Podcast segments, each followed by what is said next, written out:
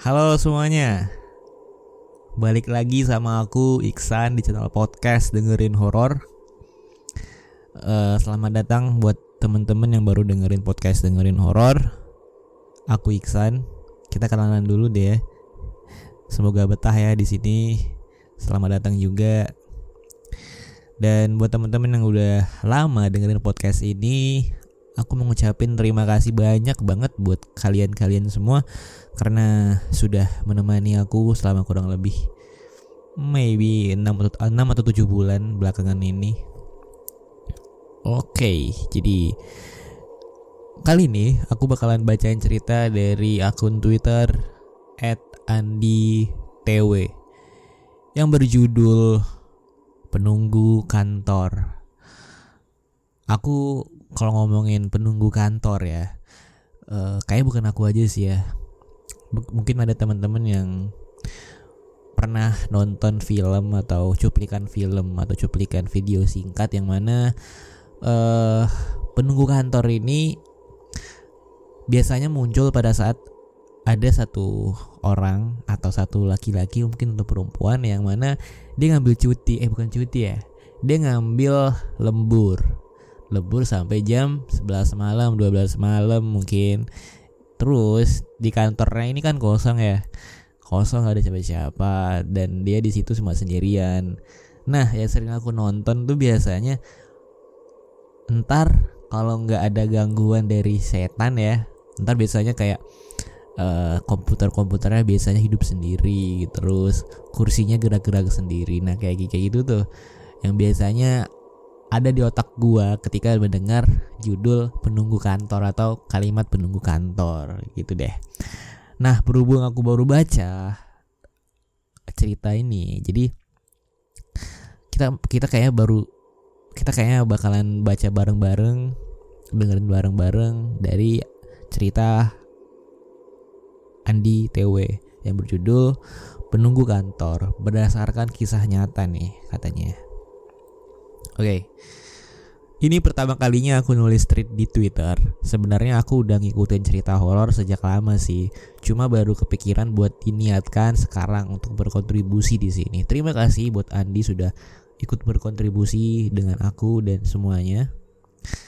Cerita pengalaman ini pertama dan kemungkinan dan kemungkinan akan dipublish juga untuk konten podcast. Oke. Okay.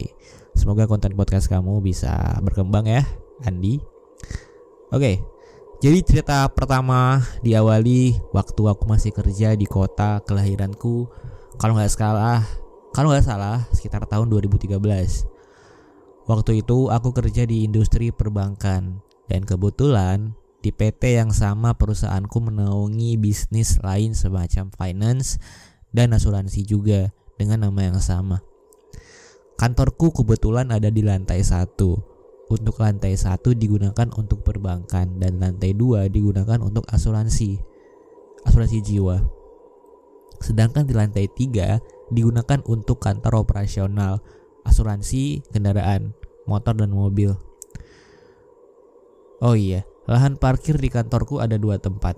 Jadi yang pertama itu ada di lantai dasar sisi sebelah kanan, sedangkan lahan parkir satunya ada di lantai dasar tapi di bagian paling belakang. Depan kantorku itu ada dua pos penjagaan di kedua sisi kanan dan kiri. Kanan untuk masuk, sisi yang kiri untuk akses keluar masuk. Hal-hal yang gak aku sadari sejak awal masuk di sini yaitu ada pada lonceng yang terbuat dari besi. Jadi bukan kayak kentongan dari bahan bambu. 3 sampai 6 bulan kerja di situ nggak tahu kenapa, nggak pernah kepikiran buat apa, Lagian aku kira nggak penting-penting amat nanya fungsi kentongan digantung di pos masuk buat apa. Udah kan? Terus karena kantor operasionalku ada di lantai dasar, otomatis untuk kesehariannya berkutat di sana aja. Tapi kadang kalau lantai 2 dan 3 kosong, di minggu kedua atau akhir bulan saat closing manajerku biasanya suka pakai ruangan untuk meeting. Nah, awal mula kejadian sebenarnya dimulai waktu meeting di lantai 3 untuk lantai 4 digunakan hanya untuk arsip dan gudang aja. Jarang banget ada yang ke sana. Paling enggak OB sama staff biasa yang ke, ke bagian apes sampai harus naik ke atap gedung. Waktu itu kalau nggak salah masuk minggu kedua dan ada meeting rutin sebelum masuk closing di minggu berikutnya. Jujur aja selama kerja di sana aku belum pernah masuk ke kantor operasional di lantai 3 maupun lantai 2 maupun lantai 3. Aku meeting jam 7 malam, dihadiri oleh seluruh staff. Oh iya, hampir lupa. Posisiku waktu kerja di sana sebagai funding. Funding itu sebagai keuangan kali ya. Ya. Jam 7 malam tepat kita mulai meeting sampai jam 9. Cuma pada waktu pertengahan meeting itu gak tahu kenapa aku bisa nahan kencing sejak akan masuk ke lantai 3.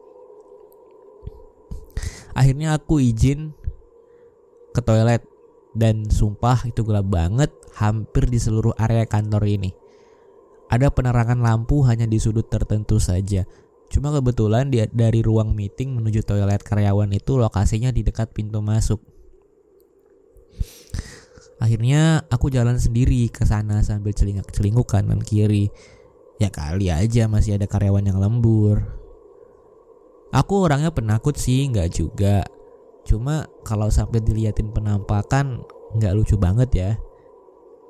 Pas udah di toilet itu aku masuk di bilik paling tengah. Kebetulan cuma ada tiga bilik dan satu toilet tertutup. Pas lagi kencing itu aku nggak ada kepikiran apa-apa. Cuma sadar nggak sadar tiba-tiba aku aku dengar suara orang yang entah berdehem atau mengeram kayak hmm.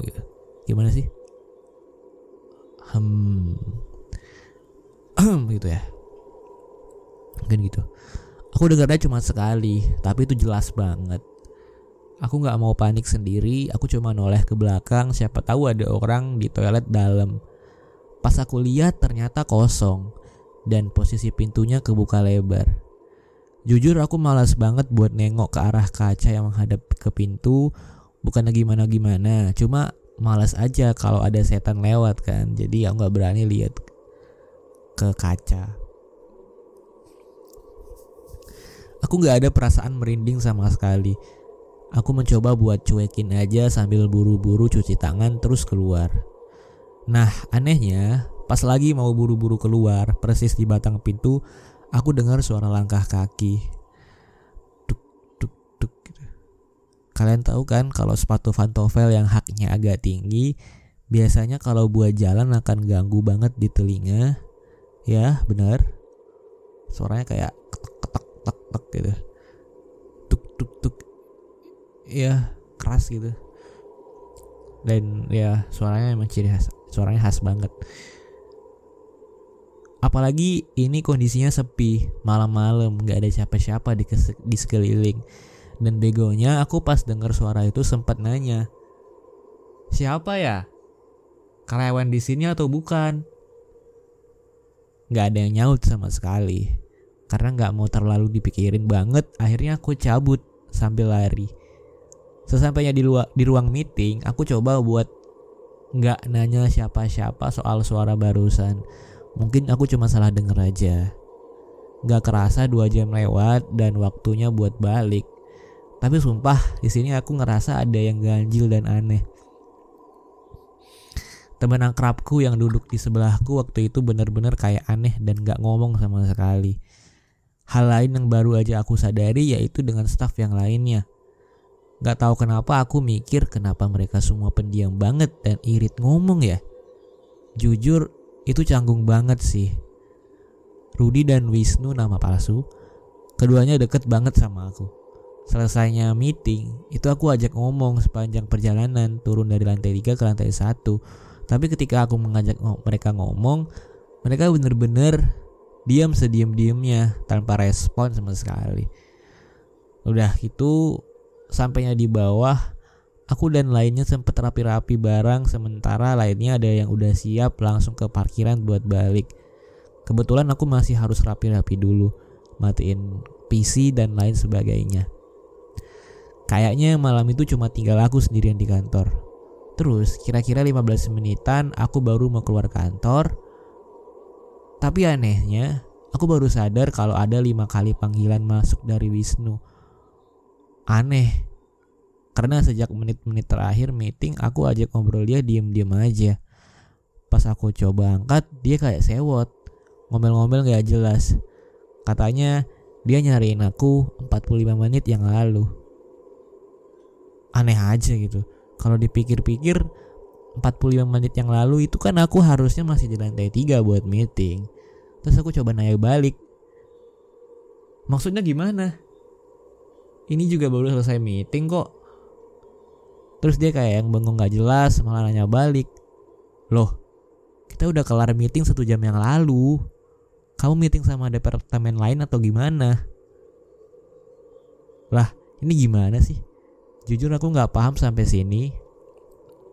Karena gak mau dibuat pusing, akhirnya aku buru-buru nyamperin mereka semua di kedai kopi langganan.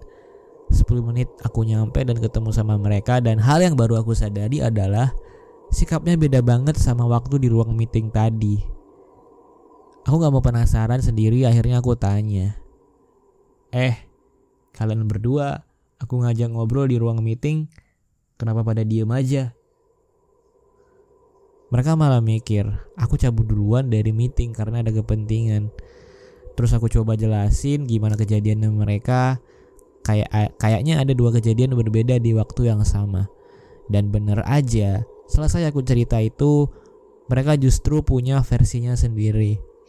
Aku coba untuk inget-inget lagi kejadian itu dan tetap gak masuk di akal aja. Kata Wisnu, aku izin keluar lebih dulu 40 menitan sebelum waktu seharusnya. Dan padahal seingatku aku cuma izin ke kamar mandi buat buang air kecil. Dan itu pun cuma 10 menitan. Yang jadi pertanyaan, gimana bisa di waktu yang sama rentan waktu 10 menit di toilet di toilet tadi bisa berbeda dengan apa yang dialami oleh Wisnu dan Rudy. Jujur aku nggak tahu nih pengalaman apa, karena ini pertama kalinya ngalamin hal begini. Aku sempat mikir apa iya aku ada di dimensi lain di waktu yang bersamaan. Tapi jujur itu aneh dan kelewat fiksi sih. Tapi emang kejadian. Terus karena terlanjur aku cerita kayak gitu, akhirnya kejadian di toilet itu aku buka sekalian dan mereka ternyata punya pengalaman sendiri dengan apa yang mereka alami di kantor operasional lainnya di lantai 2 dan 3. Selesai dengan kejadian itu, ada lagi kejadian yang bikin aku nggak kalah bikin geleng-geleng. Jadi sore itu aku ke bagian piket. Kalau nggak salah di hari Jumat, aku biasanya ke bagian sampai jam 8 aja. Kadang kalau malas aku nyogok security buat tutup mulut sih. Tapi sore itu aku bener-bener yang standby di kantor sampai jam 8 sekalian ngerjain laporan. Nah waktu itu security ada dua yang keluar masuk kantor. Setiap ada yang masuk, aku bisa dengar suara pintunya meski nggak bisa lihat orangnya secara langsung. Malam itu jam tujuan kalau nggak salah, aku mau bikin kopi di pantry. Eh kebetulan ada Mas Agus, security tadi ya, tapi namanya samaran. Lagi bikin kopi juga. Dia lagi masak air panas. Sementara itu, aku nyiapin gelas dan kopinya. Kita berdua ngobrol-ngobrol biasa sampai akhirnya kopinya siap diseduh. Udah, udah gitu, aku akhirnya balik dan masuk ke dalam lagi buat lanjutin kerjaan. Nah, hal-hal creepy setelah itu muncul tanpa diduga-duga. Belum ada lima menit setelah dari pantry itu, aku ngerasa dengar suara langkah mondar-mandir di depan pintu ruanganku berada. Karena risih dan keganggu, akhirnya aku keluar buat ngeliat siapa yang ada di luar dan ternyata kosong. Aku sengaja buat buat buka pintunya, siapa tahu suara itu muncul lagi dan bener suara langkah itu kedengeran lagi. Aku coba diamin aja. Paling security iseng-iseng sok-sokan nakut-nakutin aku dan aku biasanya kalau lagi fokus sama kerjaan nggak peduli sama keadaan. Mau ada setan kek mau apa kek nggak peduli gitu kan. Cuma malam itu aku ngerasa beda aja. Suhu di dalam mendadak jadi panas dan pekat. Padahal suhu AC di dalam 18 derajat. Aku coba diem dan mastiin di luar. Aku tengok sekeliling sepi cuma aku sendirian. Terus aku coba telepon Mas Agus dari dalam buat mastiin apa ada yang masuk ke kantor. Ternyata dia bilang gak ada siapa-siapa. Udah gitu, jam udah mulai masuk jam 8 malam dan aku harus siap-siap buat balik. Pas aku mau siap-siap balik, gak tahu kenapa aku pengen ke toilet dulu buat buang air. Ya udah, daripada nahan di jalan sampai rumah kelamaan, akhirnya aku ke toilet dulu pas masuk di dalam aku dengar kayak ada orang lagi sisiran. Nggak tahu ya malam itu cuma aku sendirian dan suasana bener-bener nggak mencekam. Cuma aku ngerasa beda aja. Kalian tahu kan ruangan kamar mandi itu kayak menggema gitu. Jadi setiap ada suara sepelan apa pun kalau lagi sendirian pasti bakal kedengeran. Dan bener aja selesainya itu aku keluar dan lihat sekeliling gak ada siapa-siapa tapi aku baru sadar kalau ada rambut putih berceceran di bawah kakiku persis. Aku sempat ambil beberapa helai dan merhatiin kenapa warnanya putih semua. Itu rambut manusia atau rambut apaan? Aku gak mau bingung sendiri dan kepikiran, aku coba pungut dan masukin tong sampah. Selesainya itu aku cuci tangan dulu dan dan saat itu aku dengar jelas banget suara perempuan cekikikan tiga kali. Pelan sih, tapi aku dengar jelas banget. Sialan batinku. Aku coba buru-buru keluar dari kantor dan nyamperin security buat pamit. Ternyata nggak ada siapa-siapa. Aku mikir mungkin lagi pada keliling atau lagi di lantai 2 dan 3. Aku akhirnya nunggu di depan sambil ngerokok sekalian cari udara segar lagi asik-asiknya duduk di santai nggak tahu kenapa lonceng yang digantung di balik pos security ini bunyi. Ting ting ting.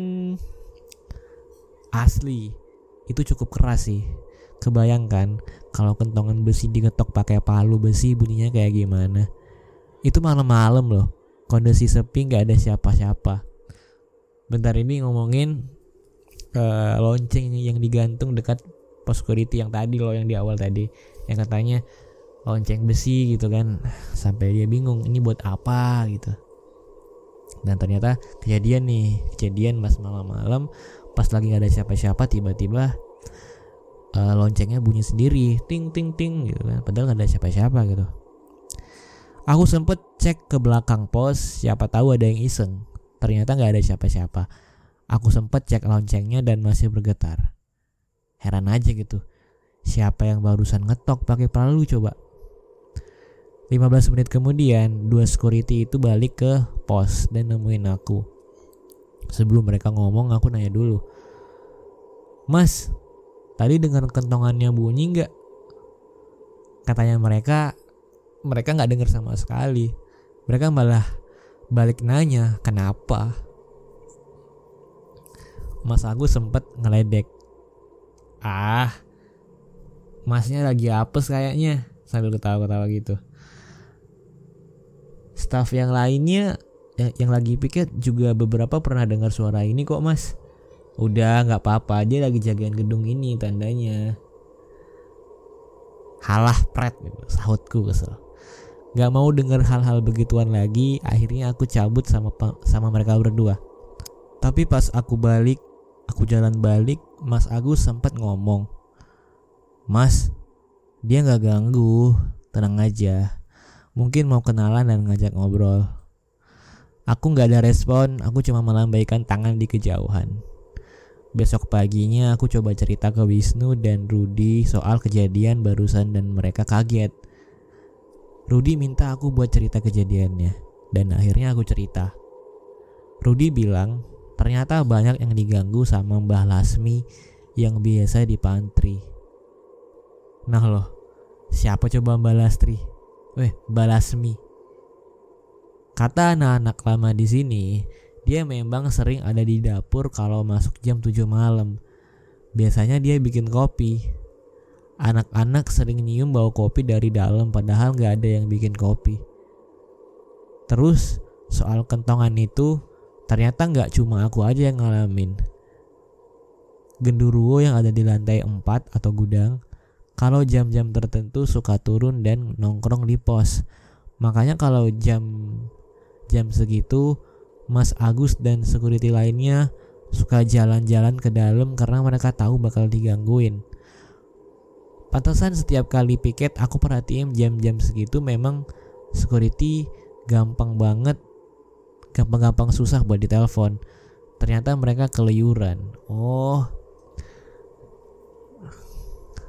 itu kenapa securitynya sering keluyuran soalnya ada gundurwo yang sering turun buat nongkrong di pos yang mana dia sering mukul-mukul kentongan kan sebenarnya ada satu sosok yang pernah ganggu di jam-jam tertentu pas aku lembur sih jadi di belakang parkiran yang sebelah kanan itu ada lahan kosong yang ada lahan kosong dan satu rumah terbengkalai pernah pernah ber, beberapa kali kejadian nemenin temen jalan ke parkiran belakang sambil ngobrol dan sering aku perhatiin di area lahan kosong itu ada orang seliweran tapi nggak jelas dan samar-samar.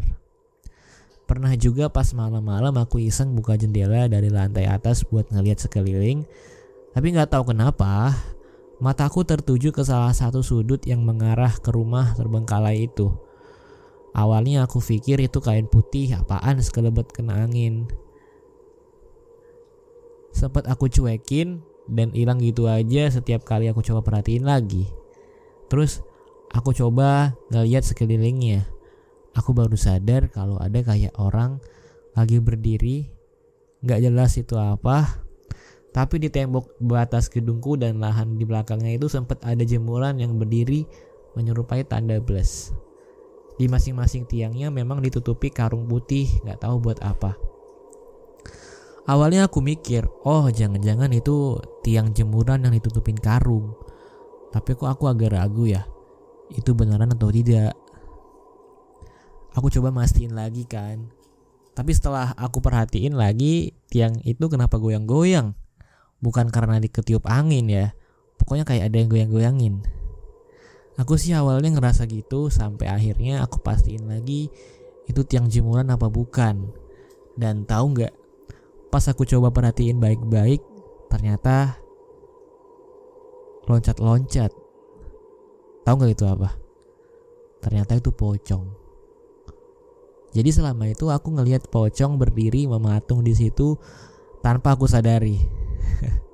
Tapi ya maklum, karena jarak dari jendela lantai dasar ruanganku lumayan jauh buat menjangkau lahan parkiran belakang jadi aku kurang nampak gitu kan.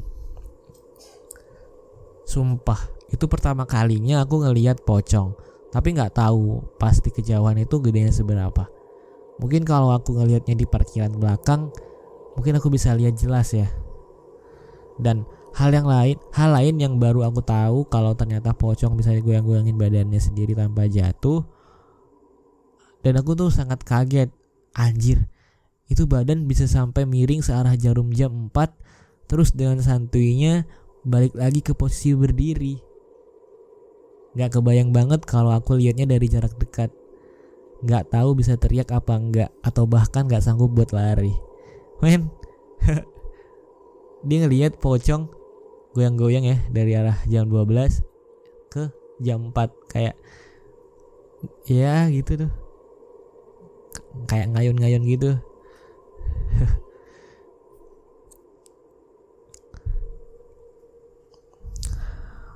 Sebenarnya ada banyak sih yang aku alami di kantor itu tapi kayaknya untuk selengkapnya mau aku bagiin di podcast horor oh oke okay. Andi kayak itu aja ya dari dia kayak segitu dulu buat pengalaman horor pertama kali ini